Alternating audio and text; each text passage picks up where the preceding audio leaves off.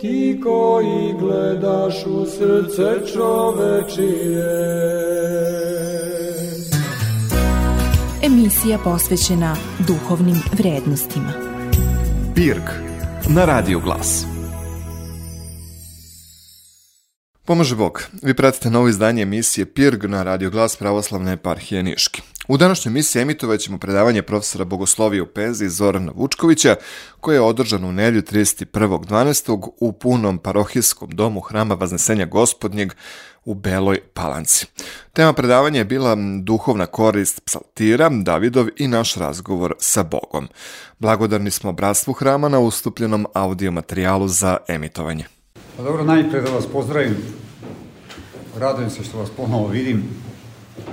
I evo, na predno mesec dana otac Nemanja mi je predložio da uzmem ovu temu za jedno od predavanja, to je za ovo predavanje za Božićni post, obično za uskršnji post, za veliki post, to uobičajeno, ali ajde, sad smo se dogovorili ovako, to je njegova želja je bila, a onda nedelju dana posle toga i neki momci odavde, ovde prisutni su izrazili želju sa istom temom, verovatno ste se dogovarali, i prošlu subotu od Slazar me je zvao, međutim, ja malo sam bio zatečen, rekao sam pa, ili vi mislite da imate toliko jaku molitvu, mislim, naši sveštenici, ili su precenili, kao što mi precenjujemo naše roditelje i naše nasnike i profesore, pa mislimo da su sve mogući, su oni sigurno precenili mene, pa da ja mogu za jedan dan da eto, ispravim to predavanje, međutim, zato smo odložili za danas, pošto ovaj, bio je dogovor kao 24. da tako, pa smo odložili za danas. U svakom slučaju, hvala Bogu, evo, ovaj, dočekali smo to da se vidimo.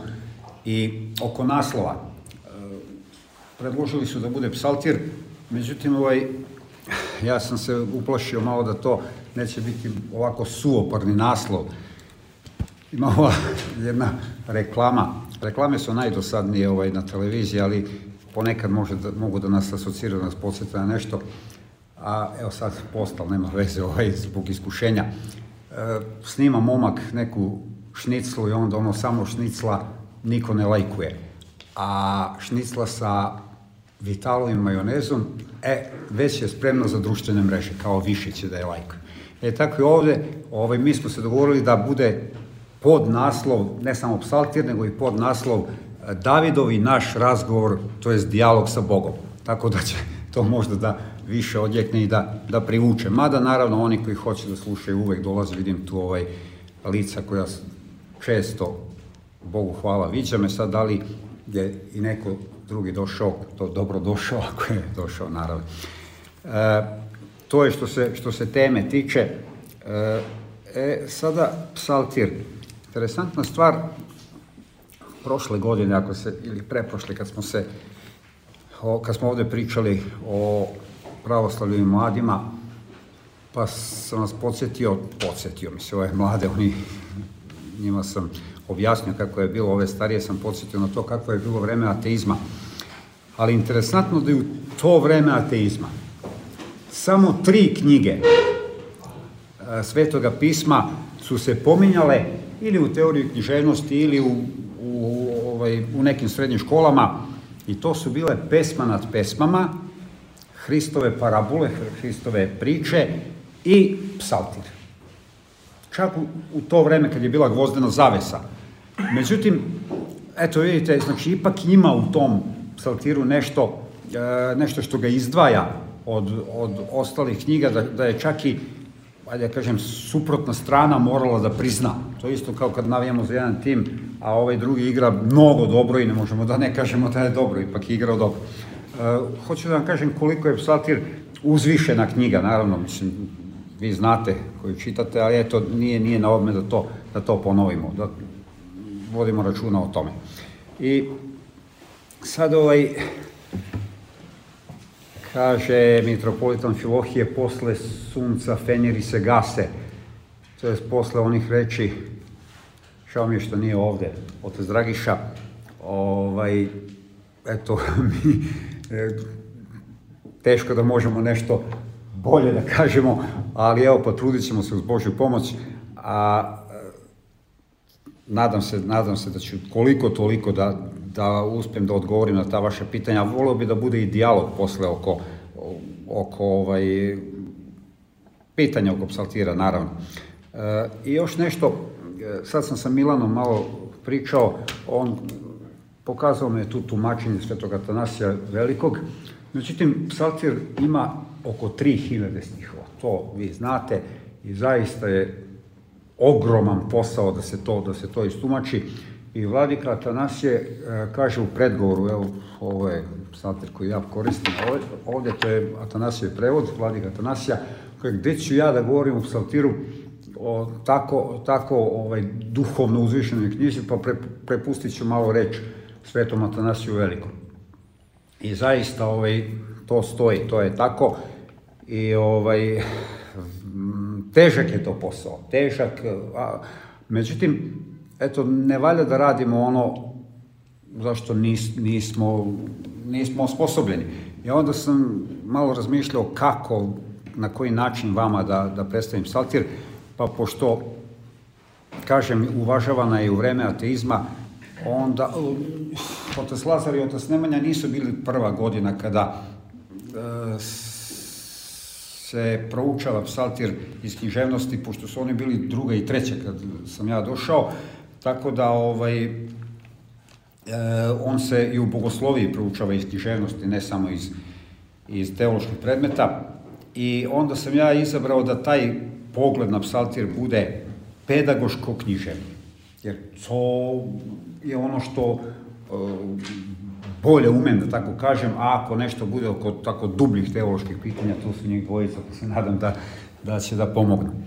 E, znate, kad se govori o onome ko, o nekoj knjizi, pa makar to bila i sveta knjiga, naravno, ovaj, postoji biogra, takozvana biografska kritika. Znači, često nam je potrebno da znamo, da poznajemo malo život onoga ko je stvorio to delo, pa može da nam pomogne zaista da Nekad ne, nekad nema to veze, ali često ima. Što se Davidovog slučaja tiče, ima veze, bar dva ključne elementa ili možda i tri.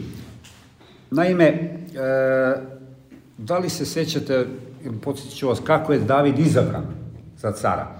I za, zašto je u stvari izabran? E, prorok Samuilo koji je trebalo da, jer Saul nešto nije bio poslušan, pa je pa ga je Bog odbacio. I onda je rekao proroku Samuiliju da pronađe kod nekog Jesejovog sina, ovog novog cara, Jesej imao osam sinova i sad izvodi jednog Samuilo misli taj, on je najličniji onako, međutim dobija glas od Boga, ne, nije, on, njega sam odbacio, svih sedam, sedmoricu, niko. I onda pita Samuilo, pa dobro, imaš još sinova? Pa ima jedan tamo čuva ovce, ovaj, ali on nije za ovde, za ovu situaciju. Mislim, dovedi ga, kaže. I kad, kad je doveo Davida e, od ovaca, onda je Samuilo čuo glas e, Boži da a, ja ne gledam kao čovjek, čovjek gleda telo, a ja, to je Bog, gleda srce. I njega pomaže zato što David je dobar. Pogledajte, znači, čisto srce, dobrota, to je ključni moment bio zašto je, zašto je David pomazan za cara, zašto ga je gospod izabrao. E, to može mnogo da nam pomogne kad budemo govorili kasnije o tome kako, kako David se obraća, obraća Bogu. I drugi ključni moment da bolje shvatimo psaltir je, e, što se biografije tiče, šta je sve David bio u životu. Pogledajte, od detinstva do duboke starosti. Imao je ogromno iskustvo, to kvantitativno, da tako kažem, dužina života. A što se kvalitativnog iskustva tiče, od e, pastira, preko ratnika, domaćina, e, grešnika, pokajnika, do svetitelja. 31. decembar po starom kalendaru je sveticar dan. E, ogromno i to kvalitativno iskustvo. I postoji, ajde i treći moment, njegovo uzdanje u, u Boga. Ono što je vama e, najpoznatije, to je kako je on pobedio Golijata, je li tako? E, ali e, kako ga je pobedio? Rekao je da se ne uzda u, u svoju snagu, u svoju mišicu, nego u pomoć Božja. Eto, otprilike mislim da su ta tri momenta mnogo bitna, vidjet ćemo ovaj, da li je zaista i tako, da bismo bolje shvatili njegove reči. To jest ono, ono što nam on, što nam on preko psaltira poručuje. E, nešto mi je Milan, Milan ima više Milana ovde, ovaj, e, Milanče, kako ti je prezime? Čilić. Cirić. Cirić. Dobro. On, e, tako dogovorili smo se da ako kaže nekoliko reči o tome da ne bude samo ovaj predavanje, nego malo je da bude i tribina, da se čuje glas više nas. Ovaj, oko ovog trećeg momenta iz njegovog života, kaže najpoznatijeg, jeste on se uzdao u Boga. Ali, e, pričali smo o tome da Bog neće da hrani našu lenjost, pa mi baš nas briga, Bog će to da sredi. Nego i on je ovaj, e, uložio nešto svoje da bi, da bi pobedio Davida, naravno uz pomoć Božju. Pa eto, može Milanče, pre nego što krenemo na, baš na same stihove, da ovaj, kaže ka, šta je to David ovaj, uložio uz pomoć Božju da pobedi, David, da pobedi Golijata. O, dobar dan. Bog ti dobro da. O, o, pa verovatno profesori mislite na tehniku, da? Pa, verovatno ti, ti si ovaj taj koji ume to da, što se tiče te tehnike, veštine borbene, da kažem. Ne samo da se konsultujem da ne pogrešimo Da, da, to, to. Pa verovatno je to, najverovatnije, da. Pa dobro, tehnika, kao što svi znamo, e, igra nesumnjivo, ako ne glavnog, ono vrlo bitnog glumca u, u režiji dešavanja i događaja. E, car David e, je zafilširao kamen prema Golijetu, to je tačno, međutim, e, sam, ipak je sam Bog, bez mene ne možete činiti ništa, dao, dao konačnu realizaciju, kao što smo rekli, e, sleda okolnosti i e, uz pomoć, praktično uz pomoć te tehnike svoje i e, Sile Bože. sile Božije, e, Saradnje. David je izvojevao ogromnu pobedu. E, šta, bi, šta bi mogli da kažemo za, za tehniku? E, evo, centralna tema danas je Psalter, to, to ćemo da ostavimo profesoru, ali nesumnjivo da, da, da je p- potrebalo određenu dozu tehnike da bi imao tu poetsku formu koju inače ima. Mislim na, tehnik, na stil pisanja. E, o, zatim, što se tiče tehnike, čak i za molitvu sveti oci govore da je tu tehnika isto vrlo bitna što se tiče disanja, položaja tela, fokusa na, na neke organe i tako dalje. I kao neki rezime bi bilo, bi mogli da kažemo da kao što je naša, naš truda milosti Božja, tako je i u, u životu, u svim stvarima naše da izučavamo tehniku, a konačni cilj je realizaciju ostvarujemo u Gospodu. Eto, da ne dužim, pošto koji profesor rekao god da, da, da besedi šturovima da izgleda. To, to. Hvala.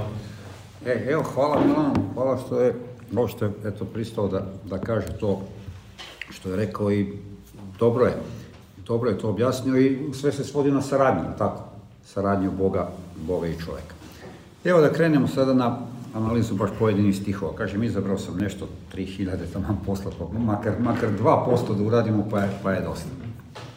A, pošto psaltir ima i osobine tako duhovne knjige, da kažemo, književnog dela, a, malo da vas podsjetim na školu, svako delo ima uvod, razradu i zaključak, to, to znate, to je osnovna tehnika i interesantno da se a, onaj koji je sastavljao psaltir, pazite, nisu, nisu svi psalmi hronološki, to, to kažu tumači, I to možemo i da vidimo, ali onaj koji je sastavio konačnu verziju psaltira, zaista je ovdje računao u tome da ima uvod, razradu i zaključak. I interesantno da u svakom delu u uvodu se prvo nagovesti tema, pa je to i ovde urađeno, onda se razrađuje tema koja je nagoveštena u uvodu i u zaključku, recimo u poslednjoj strofi, ako se sećate, uvek je glavna poruka. Sve to je baš ovde u psaltiru izuzetno ispoštovano, da tako kažem, naravno s Božju pomoć. Evo pogledajte prvi kako počinje psaltir. Blažen je čovek koji ne ide na veće bezbožnih i na put grešnih nestade i na sedilište pogubnika ne sede, nego je u zakonu gospodnjem volja njegova i u zakonu njegovom poučava se dan i noć, jer zna gospod put pravednih, a put bezbožnika propašće. Sad se pitamo kako je ovde nagoveštena tema. Pogledajte, počinje sa prvom rečju blažen, čovjek koji ne ide na veće bezbožnih, a završava se, a put bezbožnika propašće. Pogledajte tu kontrast. Znači, prvo je reč blažen, posljednja reč propašće. Znači, sve između će biti o tome šta da činimo da bismo dostigli blaženstvo, a šta činimo da bismo ovaj, e, bili, da bismo propali. To je šta čovjek čini, pa zbog toga propada. Interesantno, znači, bit će baš taj kontrast od blaženstva do, do propasti.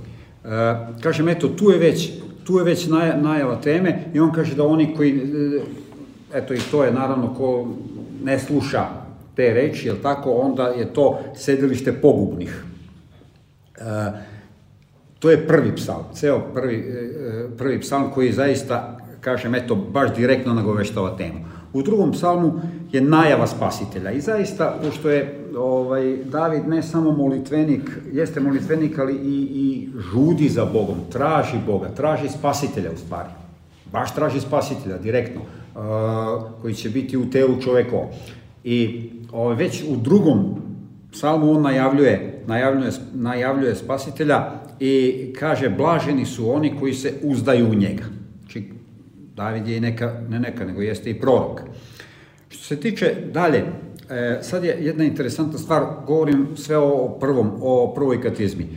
E, u trećoj, četvrtoj i šestoj i šestom psalmu on kaže na, tu su napadi iskušenja i neophodnost molitve.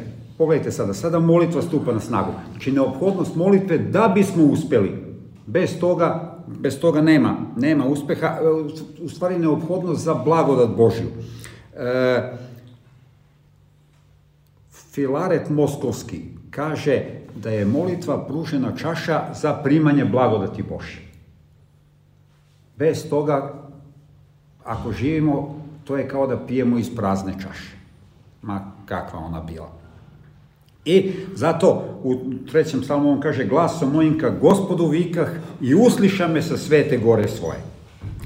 Zatim posle te neophodnosti molitve u petom psalmu David kaže i da se uzvesele svi koji se uzdaju u tebe, doveka će se obradovati i uselit ćeš se u njih. I hvalit će se tobom svi koji ljube ime tvoje. Pazite sada, prvo je rekao da je molitva neophodna. A gledajte sada, da se uzvesele svi koji se uzdaju u tebe. Znači, radost, doveka će se obradovati i uselit će se u njih. I treće, i hvalit će se tobom svi koji ljube ime tvoje. E, znači, zahvalnost. Zahvaljivaće se. Uvijete sada jednu veoma, veoma interesantnu stvar. Tri, e, tri ajde tako kažem, ključne stvari na putu, na putu spasenja. Molitva, zahvalnost i kao rezultat toga radost. E, neodvojivo, neodvojivo. E, apostol Pavle je baš to naglasio. A ima jedan sveti otac, treći ili četvrti vek, egipatski, Venijamin, koji je, kad je odlazio na onaj svet, skupio svoje učenike i rekao, ako hoćete da se spasite, ovo činite. Radujte se svak dan, molite se bez prestanka i na svemu zahvaljujte. U stvari on citira Svetog apostola Pavla. I pogledajte, baš to još prorok David govori. Znači, to su, to su tri stuba normalnog i kvalitetnog života, da tako kažem. I zatim kaže, ispovedat ću i hvalit ću ponovo, naglašava zahvalnost gospoda po pravdi njegovoj i psalmopevaću imenu gospoda Višnjega. I na kraju, posljednja, posljednji psalm iz prve katizme, kaže gospode, gospode naš, kako je divno ime tvoje po svoj zemlji. Znači sve to, molitva, zahvalnost i, i naravno kao rezultat radost, e, rezultira divotom života. I zato kaže kako je divno, slatka li je sveta bistra voda s istočnika tvoga besmrtnoga. E, zaista, evo još David, još David nam to, to naglašava. Prvi psalm, prvi, prva katizma koja i cela već ne samo da naglaša, da ovaj, nagoveštava ceo tok psaltira, nego već ovaj, počinje da razvija ono što je, što je najbitnije. E sad, u desetom psalmu kaže e, car David, gospod ispituje pravednika i bezbožnika, a koji ljubi nepravdu, mrzi dušu svoju. Ovo je dosta interesantno.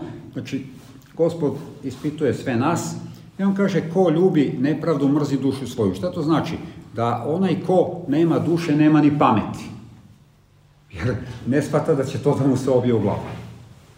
Veoma, veoma interesantan ovaj, pogled Davidov na, na to da to ne manje duše.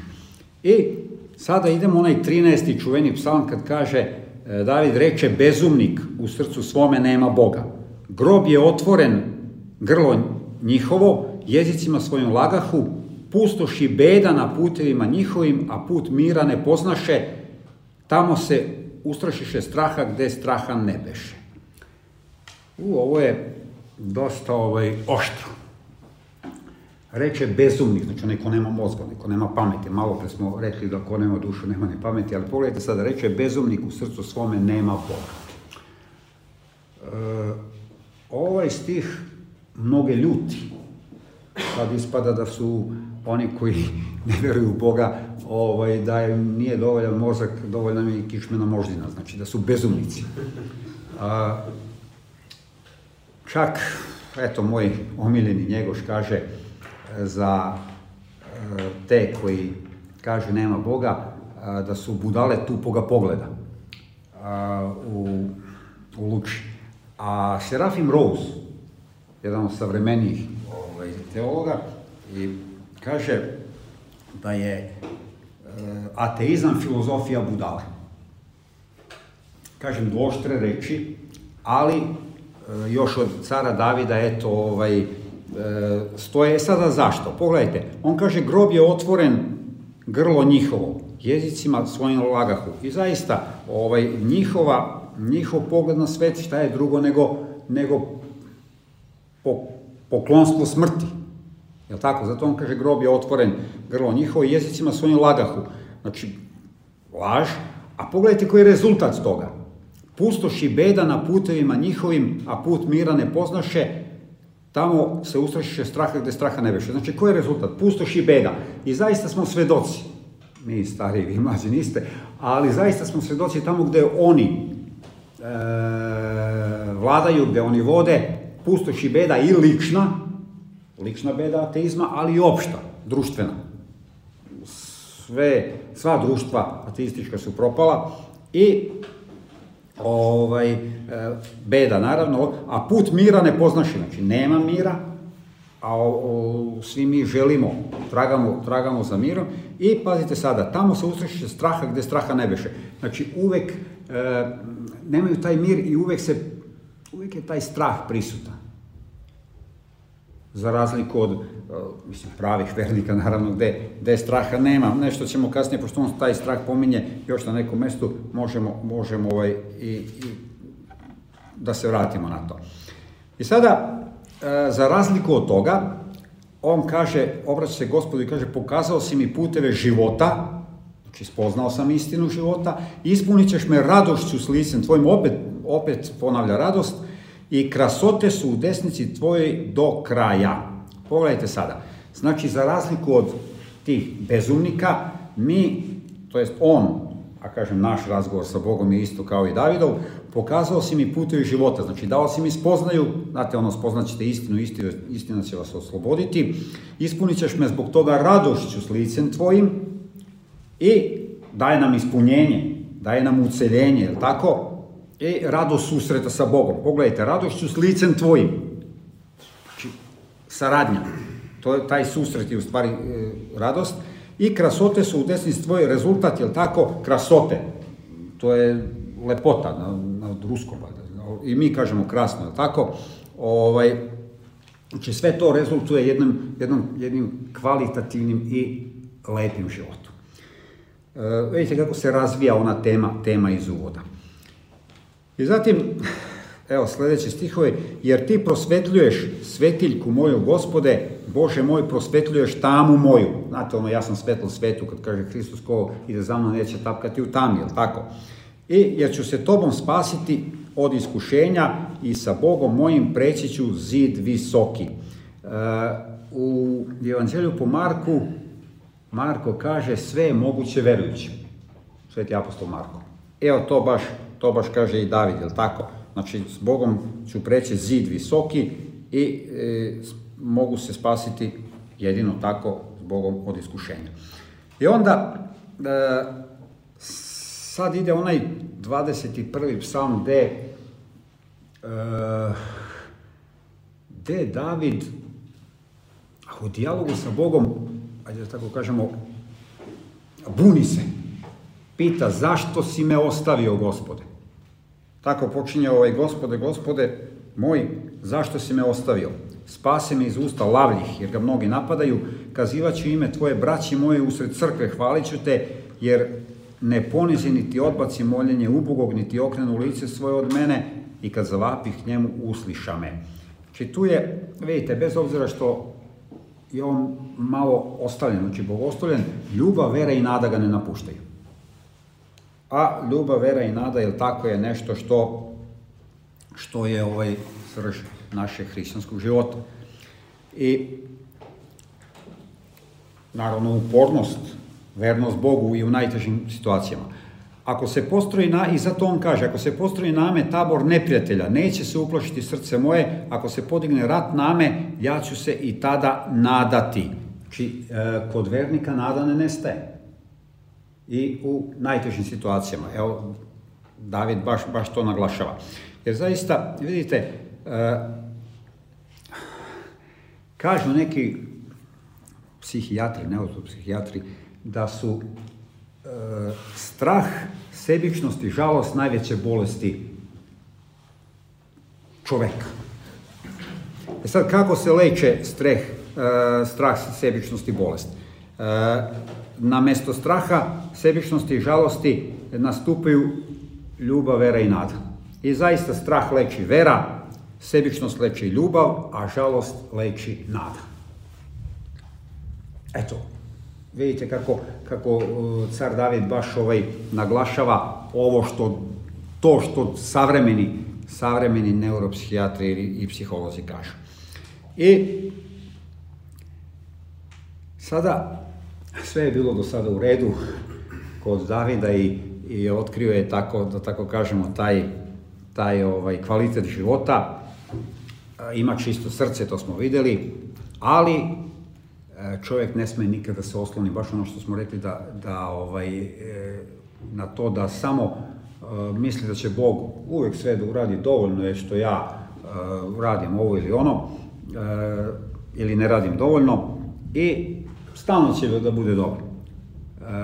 Neće Bog da hrani našu lenjost, rekli smo. I pogledajte sada, David se zbog svojih uspeha, zbog izobilja malo pogordio, nažalost, to je bio jedan trenutak, i e, on sam kaže, a ja rekoh u izobilju mome, neću se pokolebati do veka, gospode, voljom tvojom daj snagu, pazite sada, lepoti mojoj. Znači on smatra da je sad on ima tu svoju lepotu, a kad se okrenuo lice tvoje, ja postadoh sad smućen. Tebi, gospode, zavapiću, nakon toga kaže i Bogu mome pomolit ću se, ču, gospodi, pomilova me. E, koji deo kad je ovo David napisao? Naime, svi znate za onaj njegov grehopad kad je ovaj, kako se zove ova Vasilija, vada, ova žena od njegovog komšije, ovaj, i on je poslao tog čoveka u rat da bi da bi, eto, došao do njegove žene, oženio je i tu je bio njegov veliki grehopad, kažem, baš zato što se, što se malo, e, ne malo, nego malo više pogordio u svom izobilju i on sam, on sam to kaže, ali pogledajte, i posle toga, ovaj, on vapi za Bogom, svata, znači kaje se, e, pazi, tebi gospode zavapiću i Bogu mogu pomoliću, znači, baš pokajanje, i pristupa molitvi i kaže ču gospod i pomilova me. I kaže greh moj poznah i bez, bezakonje moje ne sakrih. Ovaj, otvoreno kaže da je grešan. Rekao, ispovedat ću protiv sebe bezakonje moje gospodu i ti si oprostio bezbožnog greha moga, obratio si mi plač moju radost. Znači, kad oprosti greh, e, gospod e, plač obraća u radost. Veoma, veoma lepo rečeno, čak onako i, i umetnički stilski. Radovaću se i veseliću se milosti tvojoj, jer si pogledao na poniženje moje. E sad, možda će neko da pomisli, pa dobro, eto, ovaj, veliki greh, jeste veliki greh, kao gospod mu prašta, da li je to ovaj, da li je to u redu ili nije u redu, ali Vidite, David je bio potišten i on zna da u srce potištenog treba da donesemo malo radost. Ajde, eh, ko od nas neće biti potišten na strašnom sudu? Može da se baci, baci kamenom neko. Znači, svi ćemo biti potišteni na strašnom sudu i zbog toga, ovaj, baš što Hristos kaže, kakvim, eh, kako veše, kakvom, s kakvim sudom sudite, tako, tako će vam se i suditi. Da, e, tako možemo najbolje da shvatimo ove, ove psalme o kojima smo malo pregovorili. I e, sad David, kad je sve to prošlo, kaže ovako, uzve, uzveličajte gospoda sa mnom i uzvišujemo ime njegovo zajedno. Šta je ovo? Crkva, liturgija, saborno, zajednica. Vidite kako on ovaj, kako oni ovaj, nije, nije, da tako kažemo, sebičan, nego baš ovaj, e, naginje ka, to, ka toj sabornosti, ka toj zajednici, to je danas naravno mi imamo, imamo svetu liturgiju. I uz ovo ide onaj čuveni 50.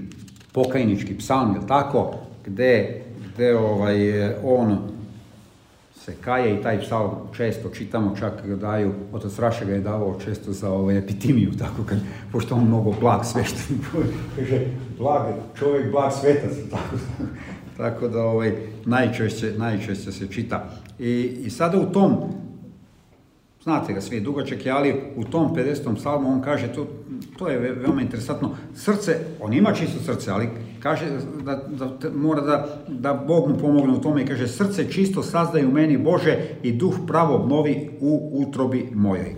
Vidite, ovo je veoma interesantno oko čistog srca. Mnogi sveti oci govore da je to najbitnije kod čoveka. To čisto srce, zato Hristos i kaže tako, blaženi čistim srcem jer će Boga vidjeti. Da. Eh, ovaj Blažen Augustin čak kaže eh, ima i ljubavi, ima i često srce i sve ti je dozvoljeno.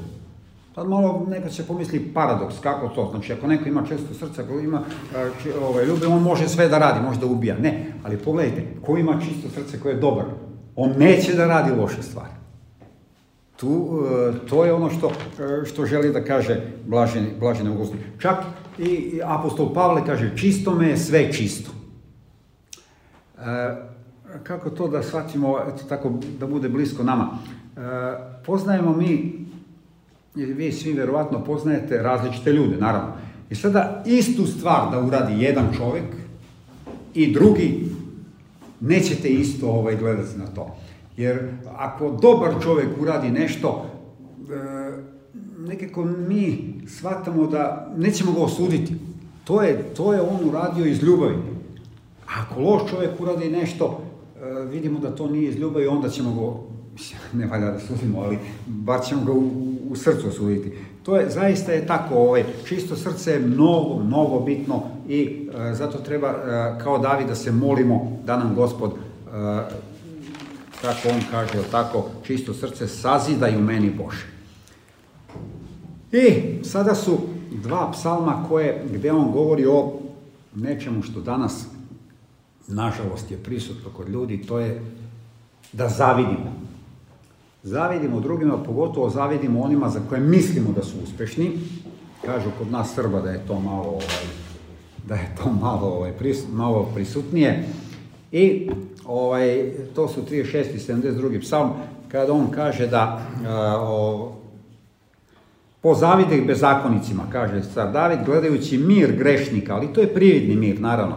Zato ih uhvati gordost do kraja, znači oni su nepopravljivi, ne samo gordost, nego gordost do kraja. I sad se on plaši. Čega se plaši?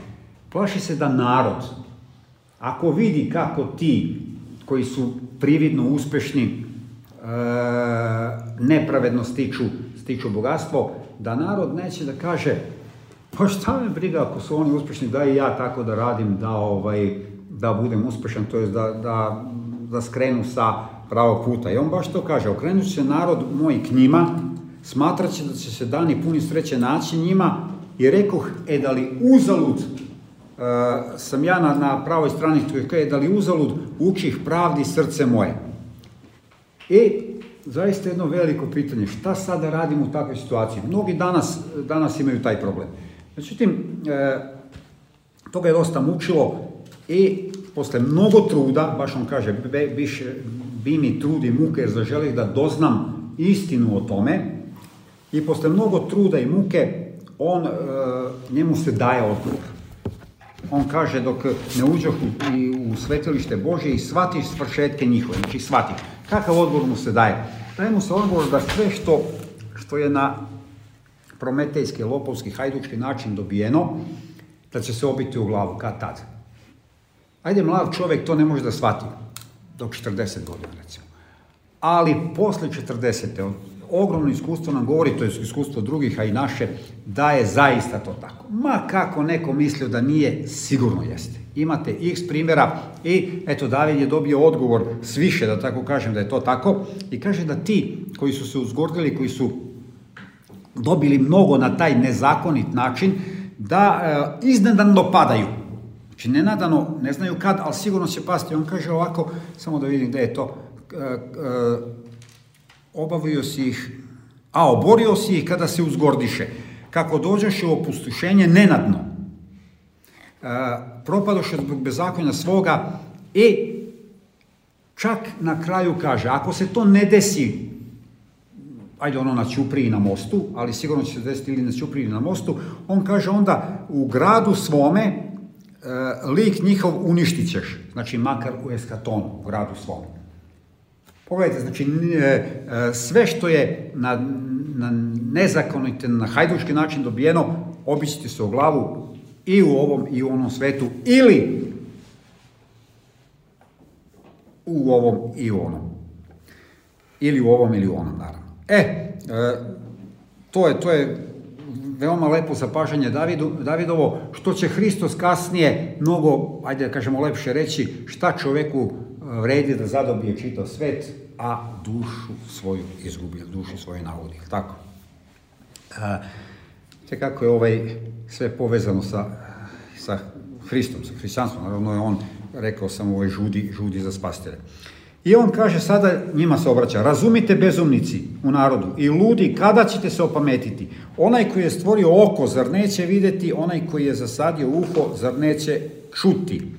Pogledajte, on ne može da kaže, aman, pa dokle više da budete, ajde iskoristim tu reč, ovaj ludi, on kaže ludi, budala. Znači ne možete, kako ne shvatate da sve, ako tako radite, da ovaj, e, mislite da Bog ne vidi. On je stvorio oko, kako da ne vidi? Lako ćeš ti da a, sašiješ ogrtač obmane i laži, ali možeš li da ga prodaš Bogu? Nemoguće. Mislim, ne. Ti ako tako, ako najko tako misli, onda kaže David, nije, nije nešto u redu s njime. E, I zatim kaže, blažen je čovjek koji kome je ime Bože nada njegova i koji ne gleda na sujetnosti idolske i na manije vrađbine lažne. Evo sada još jedan novi moment gde on kaže naravno da ovaj čovjek des, da je pogubno, je tako, biti sujeveran, jel tako, pominje, pominje ovdje vražbine, da ovaj, na još jednom mjestu on govori o sujeverju.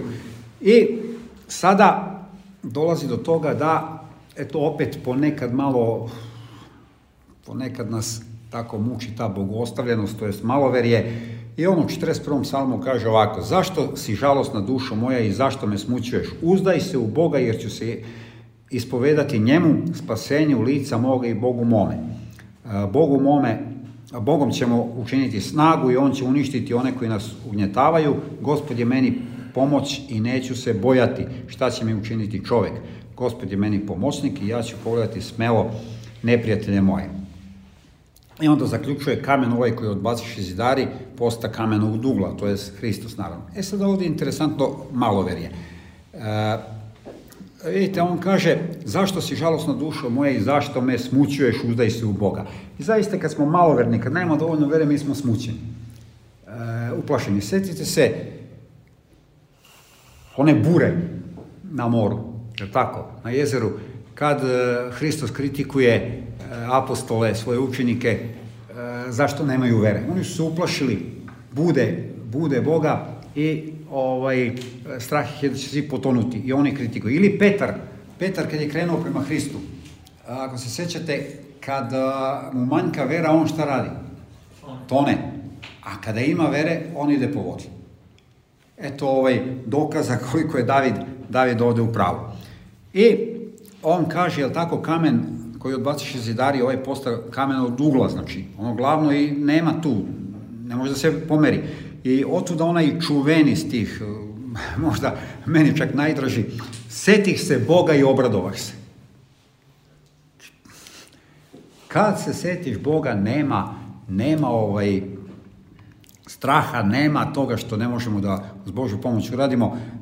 to je 76. psalm, četvrti stih i zaista mislim da je e, svetlim slovima upisan, ne zlatnim, nego svetlim. Setih se Boga i obradovaš se. Kao moto, moto životnih svakog hrišćanina može da bude. I, ovaj, međutim, sada često je potrebno da proverimo svoju vernost Bogu test iskušenja. I u jednom psalmu on kaže da ga snalaze mnoge nevolje, ali kaže ovako, sve ovo dođe na nas, pa ipak ne zaboravi smo tebe. Pogledajte, pored svih nevolja ne zaboravi smo tebe. Ako li zaboravi smo ime Boga našeg ili pruži smo ruke naše Bogu tuđem, zar neće Bog to istražiti? I onda kaže, ustani, ne odbaci nas do kraja i pita se, zašto lice svoje okrećeš? Čak i kada smo verni. E, pomaže Bogu će, Dragiša. E, vidite, to je to pitanje Davidovo zašto lice svoje okrećeš, e, a mi ipak ne zaboravili smo tebe. E, to pitanje je postavljao mnogi, mnogi pravednici, to postavljaju, to pitanje je postavio Pilipenda, Simon Matovu, ako se sećate, sad ovi mladi su to čitali vjerojatno, novi stariji, da on ne napušta Hrista, jako ga nagovaraju da ovaj promeni pravoslavlje i on sada onako tužan pita, kao, kao pravedni ov, pita ga zašto Bože ovaj, mi koji smo eto, najverniji tebi, zašto toliko stradamo, a ali kaže opet, ipak hvala ti što smo mi e, najpostojaniji u veri. I zato, e, to je ono, baš što i David kaže, jel tako, ipak ne zaboravi smo tebe. A evo, odgovor je taj da ovaj, e,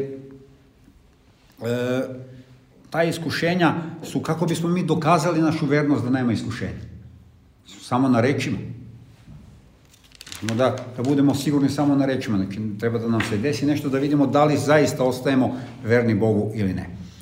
I kao dokaz da bez Boga ne možemo, da se, eto, da, ovaj, da, znate, ono, ono čuveni, ovaj, kaže, 126. E, psalm, ako gospod ne sazida dom, uzalud se trude oni koji ga zidaju. Ako gospod ne sačuva grad, uzalud ne spava stražar. Znači, ko sa mnom ne sabira, kaže Hristos, rasipa. I e, kao dokaz za to da bez, bez mene ne možete ništa dobro učiniti, kako kaže Hristos, on kaže ovako, e, jer nisu mačem svojim oci naši nasledili zemlju i mišica njihova ne spase ih, nego desnica tvoja i mišica tvoja i svetlost lica tvoga, jer si blagovole u njima. Znači, blagodat si im podario. Evo, zaista, priznaje, priznaje David da, car David, sveti car David, da bez Boga ništa ne može dobro da se čini. I sada ide jedan psalm gde on, pazite, u ono vreme još, kad je to bilo, ima 3000 godina, verovatno, pre 3000 godina, i tada je bilo razlike između sela i grada. Ima jedna lepa izreka, Bog je stvorio selo, a čovjek je stvorio grad. I u 54. psalmu, između ostalog, car David ovako kaže, vide bezakonje i svađu u gradu.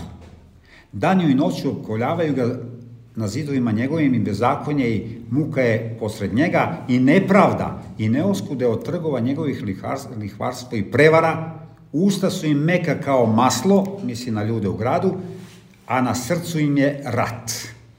Či neiskrenost, dvoličnost. Uf. To taj antagonizam nije slučajan.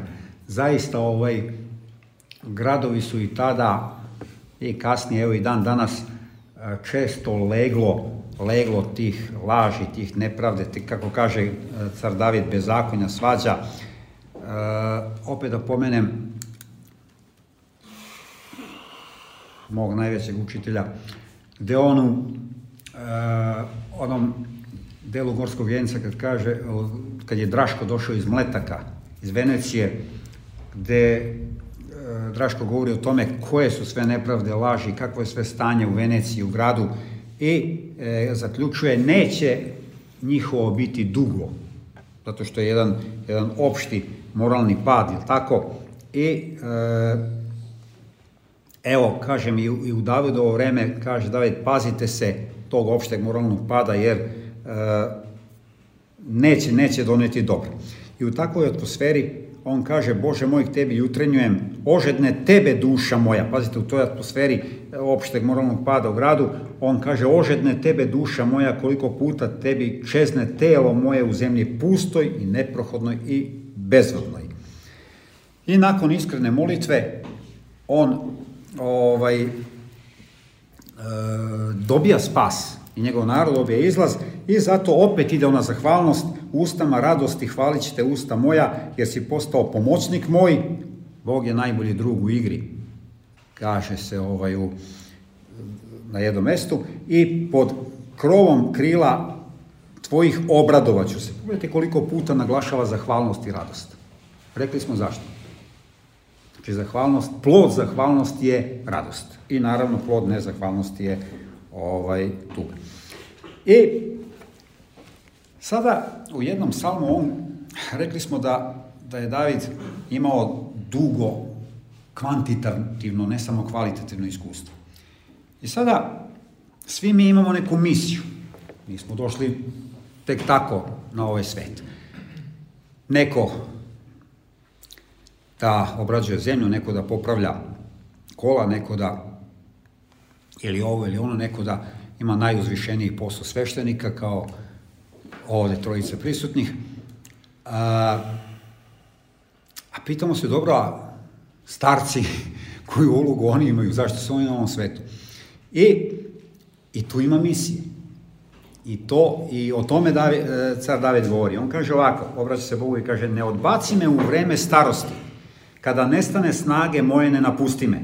Dokle ne objavim mišicu tvoju, svemu naraštaju dolazit će moć tvoju i pravdu tvoju. Pogledajte, to je ono stareštvo u Rusiji, tako? Ovaj, čak, e, pomenuo sam malo pre o, svete oce iz Egipta, e, njihove misli su e, sabrane u knjizi koja se zove Starečnik. Pogledajte, Starečnik. Znači, reč staraca E, a šta je posao staraca, nas starih? E, da svedočimo i širimo radost. To je naš posao. Pazite, dokle objavim mišicu svoju narastaju, znači blagu vest, radosnu vest da objavimo, narastaju dolazit ćemo, znači onim mlađima. E, eto i to. I to ne propušta, ne propušta car David da naglasi. I sada imamo dva psalma 77. i 105. gde car David govori o istoriji svog naroda, opominje, podsjeća na to kako su oni bili nezahvalni kad god su bili nezahvalni dolazi do stradanja. To je vladika Nikolaj Žički, sveti vladika lepo, najbolje opisao u, u knjizi Nomologija. Znači kad god se napušta gospod, dolazi do stradanja ne samo ličnog, nego i opšteg, i to baš ova dva psalma on, on objašnjava, i ukoliko se obratimo Bogu, onda, ako pružimo tu čašu preko molitve za blagodat Božju, onda ćemo tek ovaj, doći do izlaza. I on kaže da, eto, narod njegov zavoliše ga ustima svojim, naravno ranije, a jezikom svojim slagaše ga. I srce njihovo nebeše iskreno sa njim i izabra Davida slugu svoga, zato što on bio, bio rekli smo, drugčiji od ostalih.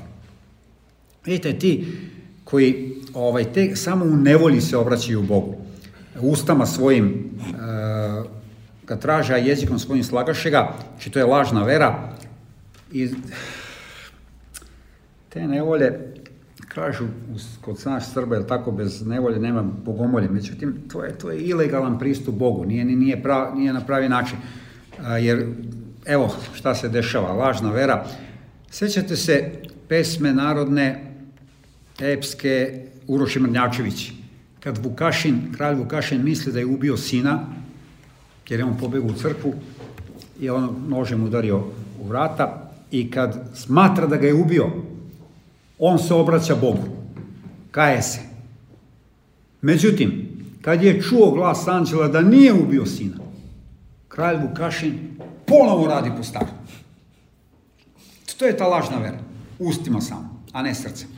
Ili ima jedan mnogo dobar film, naš Ptice koje nikad ne polete onoj devojčici istiniti događaj, samo je događaj bio u Makedoniji, ali posle je u filmu je Umetnička sloboda, pa je to Srbije Kuponik, gde ona devojčica strada zato što ovaj, roditelji je preopterećuju i tako dalje, a i zbog babe, koja je poželjela grad, pa je se grad dobio u glavu posle preko unuke, pobedla od muža i otela, otela ovu čerku. I tu roditelji ove devojčice idu u crkvu, pale sveće, mole se Bogu i ovaj, devojčica ozdravi.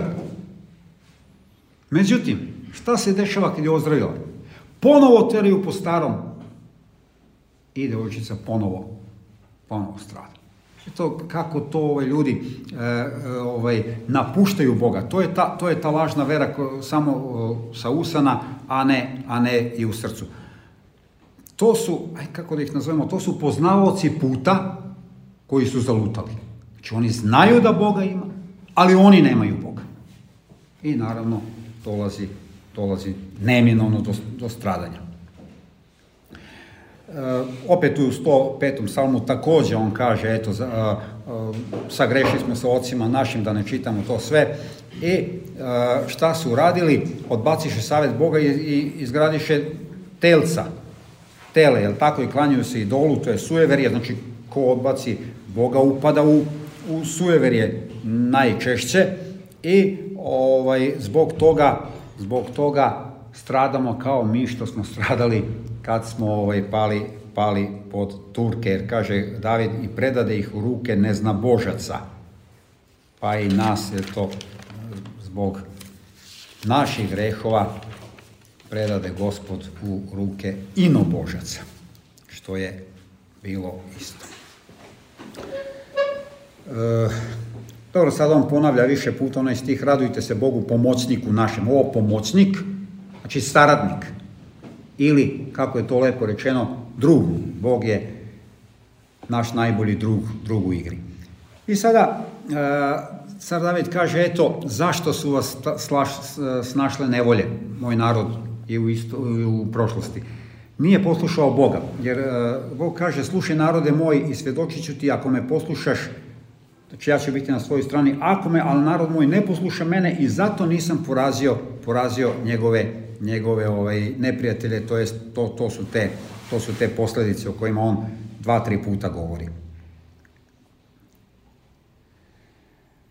Jer milost i istinu ljubi Bog, blagodat i slavu dadnoće. Pogledajte sad ovde milost.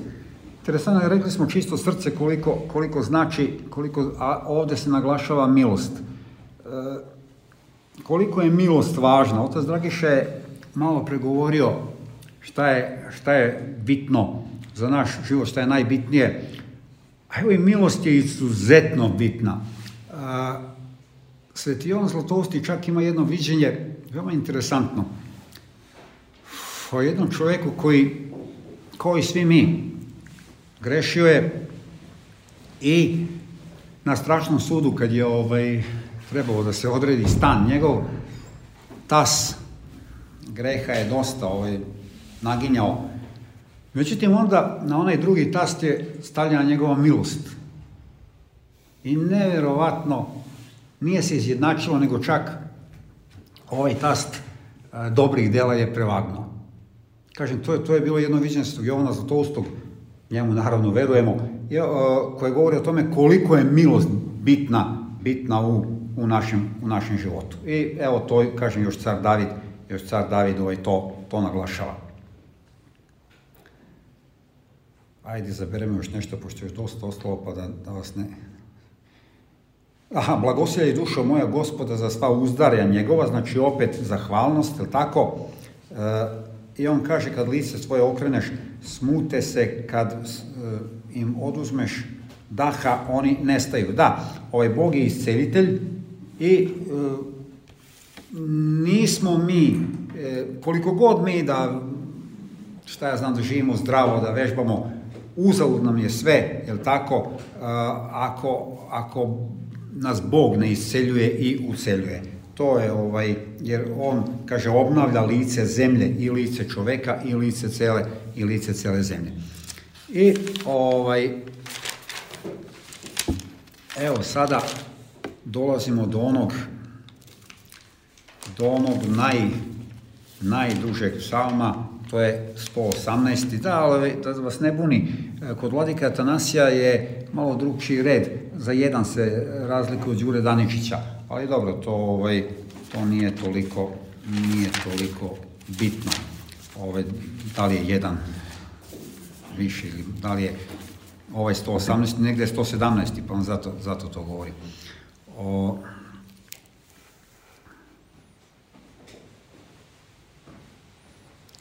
Samo da... Aha. E, u tom 118.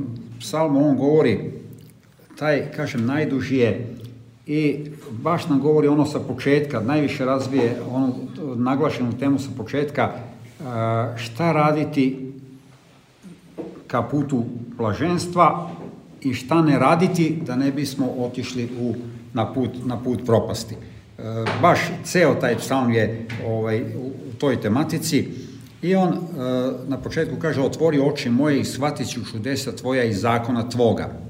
Stvari prvo počinje blaženi su neporučeni na putu koji hode u zakonu Božjem, blaženi su koji istražuju svjedočanstva njegova. Ali ne možemo sami da istražimo. I zato on kaže, otvori oči moje i shvatit ću čudesa tvoja i zakona tvoga. To je ta molitva za blagodat. Če opet ono bez mene ne možete kako, kako lepo počinje. Znači, sve je to u redu, ali molim te, otvori oči i shvatit ću. Dok mi ne otvoriš oči, ne mogu da shvatim to. Zato mi počinjemo svako, svako ovaj, predavanje molitvu. I, rekao smo, molitva je ta pružena čaša za primanje blagodati Bože.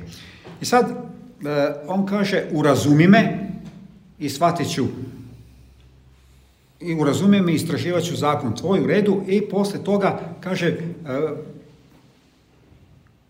prikloni srce moje u svedočanstva tvoja, a ne u gramzivost. Gramzivost ili, kako mi danas kažemo, pohlepa. I zaista, evo, tu je jedan, ne možemo kažemo savremena, nego svevremena tema. Svevremena tema koja je danas mnogo aktuelna. Rekli smo uh, malo pre o tome koliko je aktuelno ovaj, zavisnost, kad zavid, ne zavisnost, nego zavidnost, kad zavidimo drugima. A evo sada još jedna izuzetno aktualna tema, to je pohlepa. Pohlepa i, za, i to da zavidimo drugom su stvarno osnovni elementi upropošćavanja i pojedinca, a i društva u celini. To je, neko to zove dekadencija konzumerizma.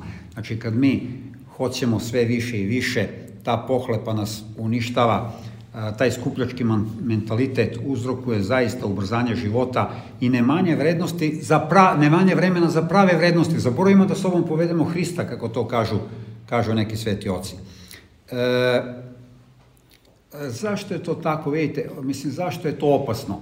Te taj otrov pohlepe ubija zahvalnost. A otrov zahvalnosti ubija radost. I zato su oni koji su pohlepni, koji mnogo imaju, nisu radosni. Jer taj otrov te pohlepe ubija i nezahvalnosti ubija radost. Nemojmo da se čudimo što, što ovaj, kod njih nema radosti. A, nije slučajno. Imate, imate, imate logike, imate, imate veze. A, vidite, Da li Bog može da bude zadovoljan sa svojim slugom ako on nije zadovoljan sa onim što mu je Bog dao? A ne može. Ako, ako mi nismo zadovoljni s time što nam je Bog dao, kako možemo da očekujemo onda da Bog bude zadovoljan s nama? I kažem, eto, taj, taj otrov nezahvalnosti ubi, ubija ovaj, našu radost. Opet, opet moram da pomenem Njegoša, ma koliko sam odužio, ali to je fantastično Njegoš objasnio u Šćepanu Malom kad se sveštenik obraća ruskom tajkunu. Savremenim rečima rečeno, to je ruskom knezu, i on kaže ovako, a, sveštenik Markojević Teodosije, kaže, ti sve misliš o dobrak boljem. Da sam to jednom govorio. Znači, da imaš više. Ovo bolje ako ti izmakne, dobro ti se u zlo preokrene. Znači, sad se nerviraš što, što nemaš više a imaš dosta. A ja isto kad tica u gori Boga slavim i danju i noću što nijesam tica u kavezu. Znači nisam u kavezu strasti. Nisam u kavezu nepoznavanja istine. Ovo mi je draže od svijeta. Time hranim i dušu i telo. Pogledajte sada. Znači ta zahvalnost, Boga hvalim i danju i noću. Što mi je dao ono što imam, a nisam tica u kavezu. Ovo mi je draže od svijeta. Znači, ta zahvalnost uh, izaziva dragost, radost. I tu je moj život mnogo kvalitetniji od tvoga koji imaš toliko, a opet si nezadovoljan. Odličan psalm, to je odličan stih iz ovog, iz ovog psalma. Dalje, uh, car David kaže, i govorih o svedočanstvima tvojim pred carevima i ne, pazite sad ovo je interesantna stvar, i govorih o svedočanstvima tvojim pred carevima i ne stiđaš se, Već ma od neprijatelja mojih, neprijatelja mojih umudrio si me zapovešću tvojom, jer je do veka moja, već ma od svih koji me uče razumedoh, jer se dočanstva tvoja pouka su moja, već ma od, i na kraju, već ma od staraca razumedoh, jer zapovesti tvoje istra živah. Dok sam predavao Lazaru i Nemanji, mislio sam često da kažem učenicima da ako ih napadnu nastavnici, što se ponekad dešava, da kažu već smo od onih, mislim reći cara Davida, već smo od svih koji me uče razumedoh, jer svedočanstva Hristova Božja pouka su moja. Međutim, ipak nisam, nisam im to rekao da ne bi, da ne bi došao u sukob sa kolegama i onako, onako ne, ovaj, ponekad je moglo do toga da dođe. I zaista onaj ko, evo vidite, koliko nam pruža bogoslovlje, da, da ga tako nazovemo. E, e, pred carevima se ne stidik da govorim ako, koliko toliko sam na Hristovom putu, to jest na Božjem putu. Više od neprijatelja mojih e, možeš da si me umudrio. I ovaj, na kraju interesantna stvar kaže više od staraca, jer starci su oni koji imaju najviše iskustvo, rekli smo malo pre, ali čak više od njih razume dok je zapovesti tvoj istraživak. I zaista je tako. E, gde zamuca nauka? Kažu, progovori umetnost. I jeste tako. A gde zamucaju i nauka i umetnost? Šta progovori? Religija. Vera. Eto, kažem opet, David je u pravu kad kaže ovo, nije to, nije to gordost. Da onaj ko ima vere, ipak je u velikoj prednosti i u znanju od onih koji nemaju, pa ma, makar bili i, i carevi, makar, makar bili i starci sa, sa ogromnim iskustvom.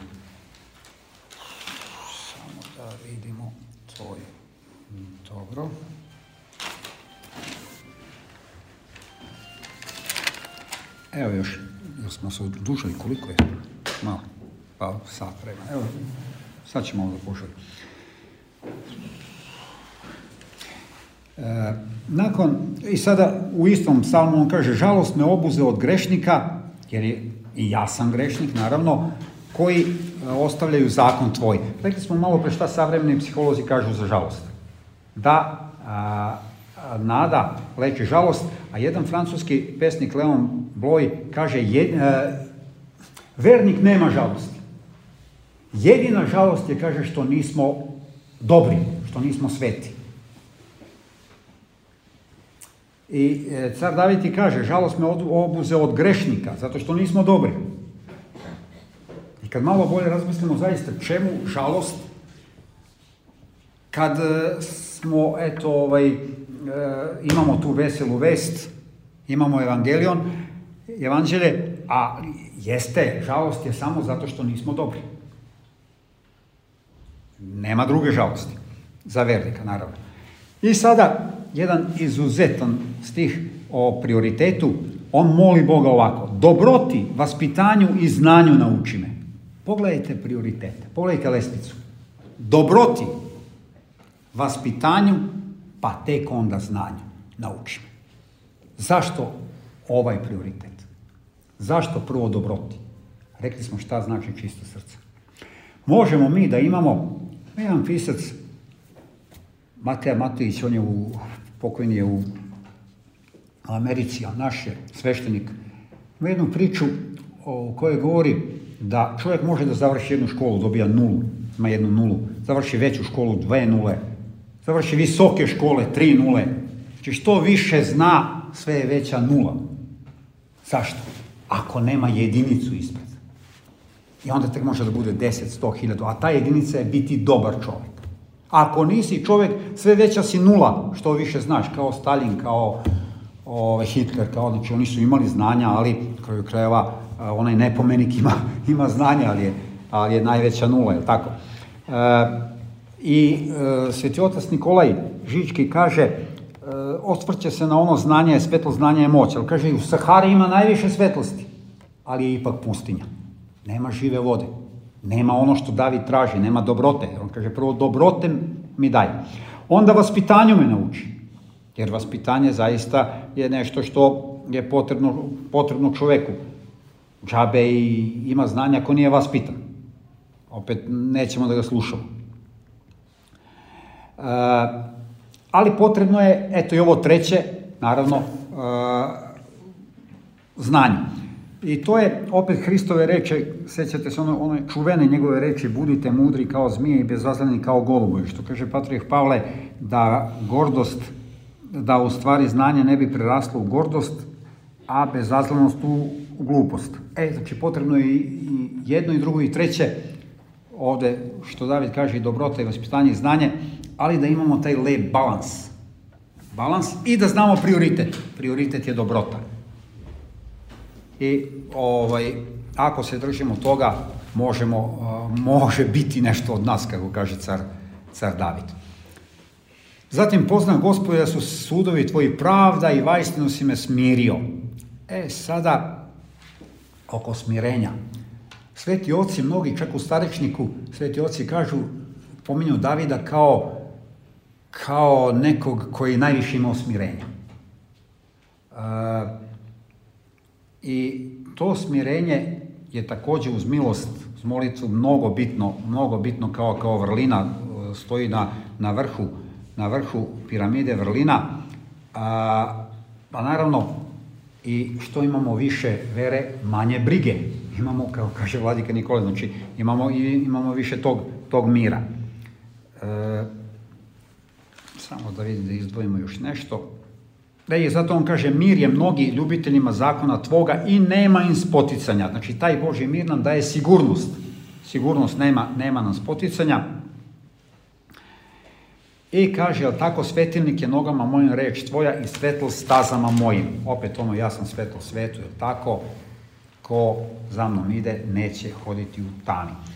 Zaželeh spasenja tvoje gospode i zakon tvoj poučenje je moje, živeće duša moja i hvalit ćete. Opet zahvalno za dar i sudovi tvoji pomoći će mi do veka neću zaboraviti zakon tvoj jer si me njima oživeo i tako se završava ovaj najduži psalm u psaltiru. Četo, ovaj, šta je uh, ideja?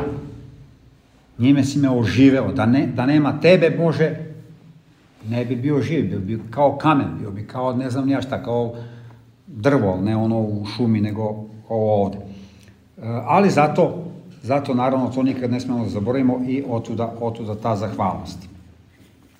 Samo da vidim da li još nešto. Da, sve što radimo je zidanica na pesku. I svud prisutnost Boga, to je u 138. psalmu kada on kaže kuda ću poći Bože od duha Tvoga, od lica Tvoga, gde ću pobeći? Ako usiđem na nebo, ti si tamo, ako siđem ovat, prisutan si, ako uzmem krila svoja ujutru i, nas, i nastanim se na krajima mora i tamo će me ruka Tvoja voditi. Znači, nema Svuda je Bog, svuda i u nama i oko nas.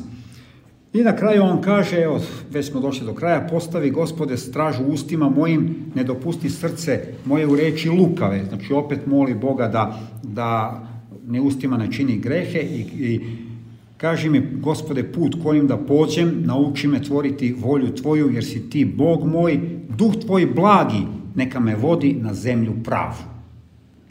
Zaista jedna, jedna vrhunska molitva I poslednja katizma. Poslednja katizma je cela hvalospev. Gledajte koliko puta on provlači ovaj, zahvalnost. I, e, reč koja je najčešća u psaltiru su dve reči, u stvari koje su najčešće su zahvalnost i radost. Uz, naravno, e, sve molitve. Nisam brojao, ali na desetine puta, možda i sto puta ponavlja zahvalnost i radost. I cela poslednja katizma je zahvalnost i radost. I poslednji, baš poslednji psalm, kako kaže ovaj, ako koza laže, rog ne laže, ovo evo poslednji psalm, samo da bar to i time ćemo da završimo, poslednji psalm evo da se uverimo da je to tako, on kaže ovako, hvalite, znači zahvaljujte, hvalite Boga u svetima njegovim, hvalite ga u tvrđi sile njegove, hvalite ga za mnoge moći njegove, hvalite ga po mnoštu veličanstva njegovog, hvalite ga uz glas trubni, hvalite ga uz psaltir i uz gusle, hvalite ga uz bubanje u horu, hvalite ga uz žice i organe, hvalite ga uz jasne kimvale, hvalite ga uz kimvale s poklicima, sve što diše neka hvali gospoda. Pazite, sve što diše neka hvali gospoda. Pogledajte, ovo je jedna erupcija vatromet, erupcija zahvalnosti. E, kao kad se luča završava o zahvalnošću Hrista za sve ono slatka li je sveta, bistra voda s istočnika tvoga bespratnoga i na kraju on kaže, jel tako, nebo tvojom hvalom odjekuje zemlja slavi svoga spasitelja. Znači pogledajte, car David kaže sve što diše, i biljke, i životinje, i, i ljudi, sve neka hvali gospoda. Znači jedna ogromna zahvalnost i tu dolazimo do onoga što smo rekli na početku, one, one tri najvažnije stvari, molitva, što kaže car David, je tako, molitva, zahvalnost koja rezultuje radošću. Uh, I uh, ako to imamo, opet da se podsjetimo na Avu Venijamina koji kaže ako hoćete uh, da budete spaseni, da se spasite, ovo činite. Da ponovimo.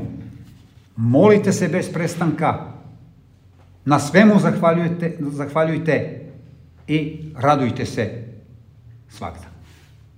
Eto to, i to je u stvari, kažem, citat apostola Pavla, i to je ono što možemo da, eh, ako sledimo, zato smo i rekli ovaj eh, Davidovi naš razgovor s Bogom, ako sledimo ova upustva cara Davida, ova upustva Saltira, onda možemo da živimo život dostojan čoveka, čoveka kao sina, kao čedo Bože, kao druga Božeg.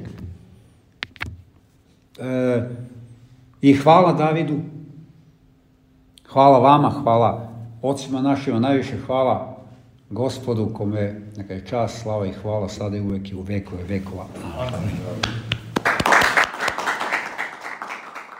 Poštovani slušalci, pratili ste predavanje profesora Bogoslovije u penziji Zorana Vučkovića koje je održao u Beloj Palanci 31. decembra 2023. godine u punom parohijskom domu hrama Vaznesenja Gospodnjeg.